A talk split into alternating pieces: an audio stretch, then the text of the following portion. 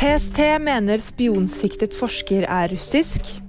Enighet mellom TV 2 og Altibox. Og Ingrid Alexandra ble nummer tre i surfe-NM. Han som russisk borger, Mikhail eh, Valerevitsj eh, Mikushin, født 1908-78 i Russland. Det sier politiadvokat Thomas Blom i PST om det de mener er den egentlige identiteten til den spionmistenkte gjesteforskeren. Ifølge PST var han i Norge på oppdrag fra russisk etterretning. Mannen er nå siktet for ulovlig etterretningsvirksomhet mot statshemmeligheter som kan skade grunnleggende nasjonale interesser.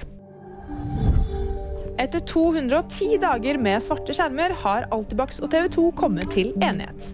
Den nye avtalen mellom Altibox og TV 2 er nå på plass, og TV 2s innhold blir derfor tilgjengelig for kundene innen klokken tre fredag, ifølge Altibox.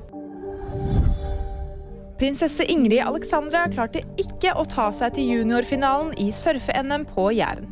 18-åringen endte som nummer tre og noterte 7,67 poeng i det første semifinaleheatet. Og VG-nyheter fikk da meg, Fride Rivø.